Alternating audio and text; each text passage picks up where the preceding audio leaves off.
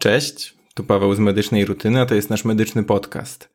Dzisiaj chyba taki bardzo ważny dla mnie odcinek i, i poruszający też taki problem, który jest mi bliski sercu, ze względu na to, że tak jak widzicie w, w tytule, jestem Z52. A co to oznacza? Z52 w ICD-10 oznacza taką grupę, e, która opisuje głównie dawców narządów i tkanek. To zapraszam na odcinek, w którym opowiem Wam, jak zostałem Z52.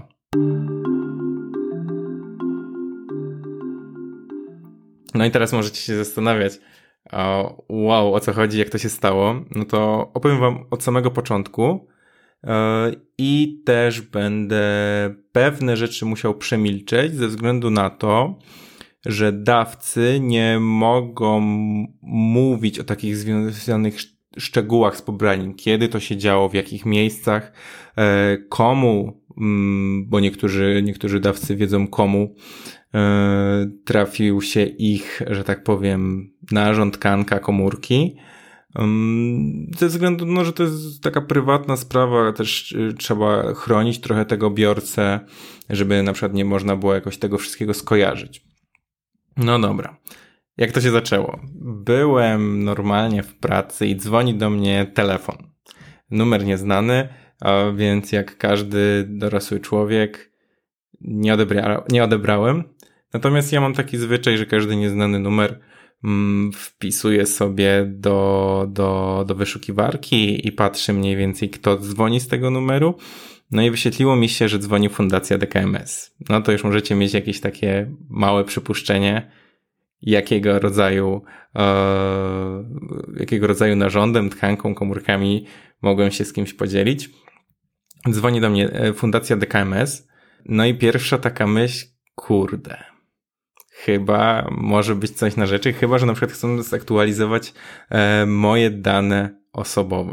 To teraz jeszcze taki szybka retrospekcja. Słuchajcie, mam tutaj przed sobą swojego Instagrama i dokładnie 10 września 2020 roku wysłałem mój pakiet rejestracyjny.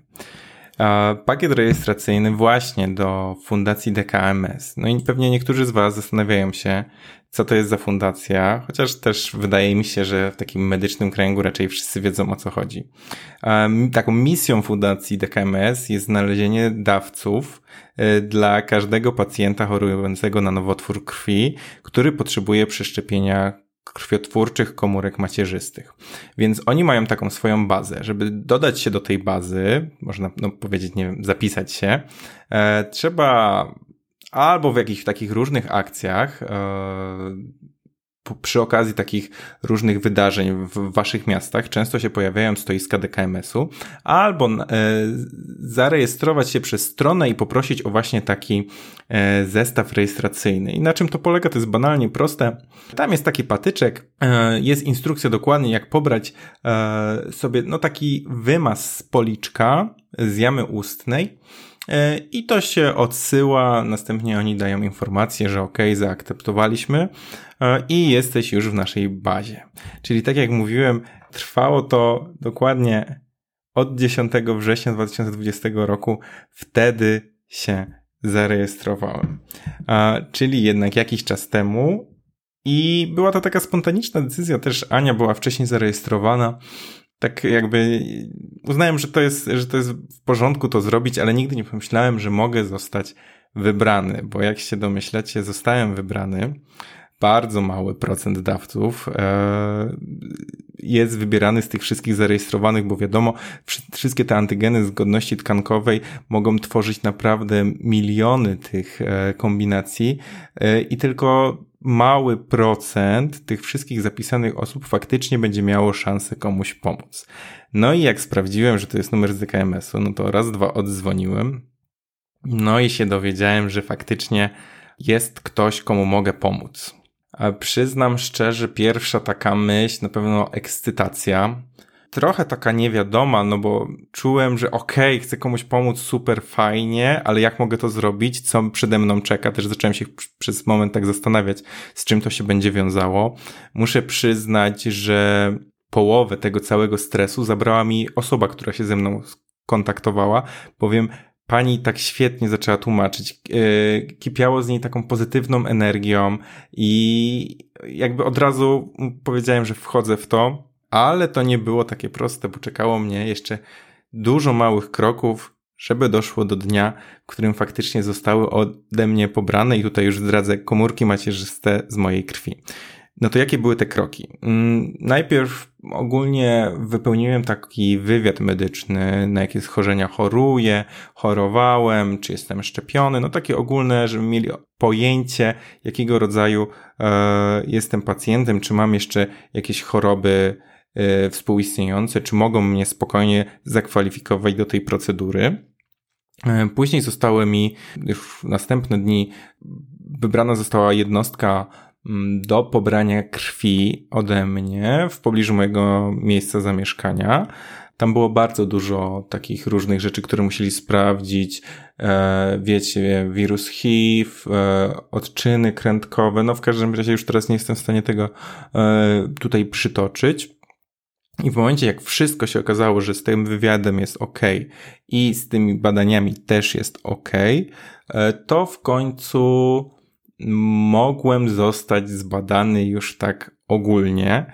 E, I tutaj musiałem się wybrać do, do jednego z miast w Polsce, gdzie przeprowadzono mi takie badanie mające na pewno zakwalifikować mnie do tej procedury, tylko że to już nie są, to też były oczywiście badania z krwi, bardzo dużo mi krwi pobrali, chyba nigdy w życiu tyle, tyle, tyle badań nie miałem jak wtedy, ale też był to rentgen klatki piersiowej, to było EKG, to było USG jamy brzusznej, y, no zostałem przebadany od stóp do głów, co też jest pewnym, w pewien sposób e, jakimś tam plusem tego wszystkiego. No i tak samo muszę przyznać, że osoby, które mnie otaczały, które się mną zajmowały, były takie miłe, że no nawet na moment mm, nie zastanawiałem się, że kurczę, co ja tu robię, e, albo miałem takie, że no niepotrzebnie tracę czas, tylko byłem cały czas na takim pozytywnym haju tego, że wszystko, co w tym momencie wykonujemy, no dąży do tego, że komuś może uratujemy życie i to jest naprawdę świetna świadomość. E, wróciłem do domu. Jak się okazało, że te wszystkie wyniki były dobre, to mogliśmy zacząć przygotowania. E, nie wiem, czy wiecie, bo tutaj staram się tak naprawdę poopowiadać e, troszkę ze strony takiej medycznej, ze strony lekarza, ale tak naprawdę bardziej ze strony pacjenta, bo dla mnie to też wszystko było nowe, nie wszystko wiedziałem. I pobierać można komórki e, macierzyste z krwi, albo można też e, pobrać szpik dla osób, które, które mają na przykład białaczkę. E, to są dwa takie wyjścia. I fundacja w 90% przypadków jednak pobiera te komórki macierzyste z krwi obwodowej i o tym będę mówić, bo to mi się przydarzyło. No przydarzyło się to nie, nie do końca fortunne sformułowanie. E, to się wydarzyło i jak do tego doszło teraz już odnośnie tego samego pobrania. Czyli jak fundacja już potwierdziła, że wszystko jest ze mną w porządku, że mogę się poddać e, tej procedurze, musiałem wykonywać zastrzyki podskórne z czynników, z czynników wzrostu granulocytów. I to są zastrzyki w brzuch. Ania mi je wykonywała, muszę przyznać, że tutaj świetnie się spisała. E, I tak, to miało na celu sprawić, żeby w tej krwi obwodowej znalazło się jak najwięcej tych komórek macierzystych. Objawy uboczne samego, samych tych zastrzyków, tego czynniku wzrostu bywały różne. Myślę, że tak jak później też rozmawiałem z innymi e, dawcami, to ze mną się ten czynnik dość łagodnie obszedł. Um, miałem troszeczkę takie grypopodobne objawy, troszkę mnie kości bolały, też się czułem taki tak jak, jakbym miał troszeczkę e, zmniejszoną e, wydolność fizyczną. Natomiast trwało to 4 dni i mogłem wtedy po tych czterech dniach pojawić się w szpitalu, żeby przeprowadzić ten zabieg. Jak on wyglądał? E, z jednej strony zostało mi założone wkłucie, z którego wypływała krew z moich naczyń, natomiast z drugiej strony w kłucie, przez które wpływała z powrotem ta krew, która wypłynęła. Natomiast pomiędzy tymi wkłuciami znajdowała się mm, maszyna, separator, który był w stanie, że tak powiem, wirując, e, wszystkie te komórki macierzyste wyłapać. E, wiadomo, że on zabierał jakąś część tych komórek, dlatego ta krew musiała bardzo, nawet kilka razy przepłynąć przez tą machinę, żeby tą całą, te wszystkie komórki macierzyste wyłapać.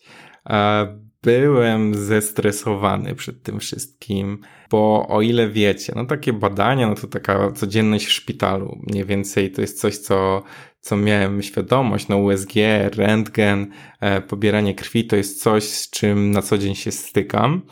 Natomiast już podłączenie do takiej maszyny, to przyznam, że no nie powiem, żebym, wiecie, wpara, wparował tam na ten oddział e, z uśmiechem na ustach, bo jednak miałem pewne takie obawy, mm, nie wynikające z tego, że, że mi się coś stanie, no ale jak ja sobie z tym poradzę, czy, czy, czy dobrze zareaguję na podłączenie do takiej maszyny, bo to też um, poważnie brzmi wszystko. I rano to w ogóle ledwo co zjadłem, bo też śpieszyłem się, musiałem szybko wyjechać e, z hotelu.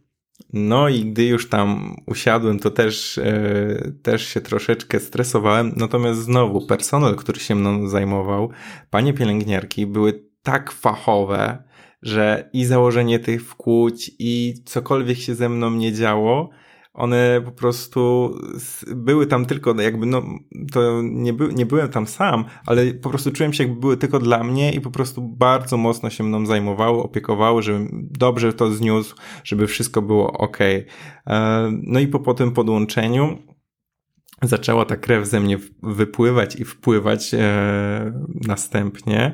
Było to dziwne uczucie. Przyznam szczerze, że w pewnym momencie troszeczkę mi się słabo zrobiło od tego wszystkiego, to po jakiejś godzinie.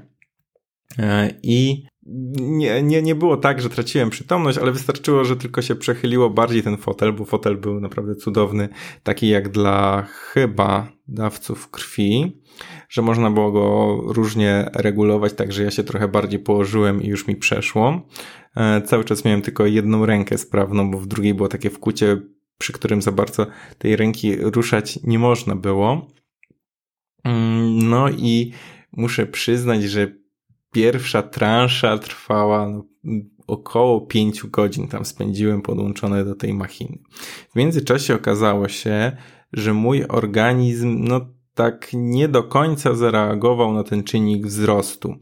To znaczy, że te komórki macierzyste pojawiły się w tej krwi obwodowej, znaczy się zwiększyły swoją liczbę, bo pojawić się to są zawsze, e, ale mm, nie na tyle, żeby można było się to odbyć tylko podczas jednej takiej sesji.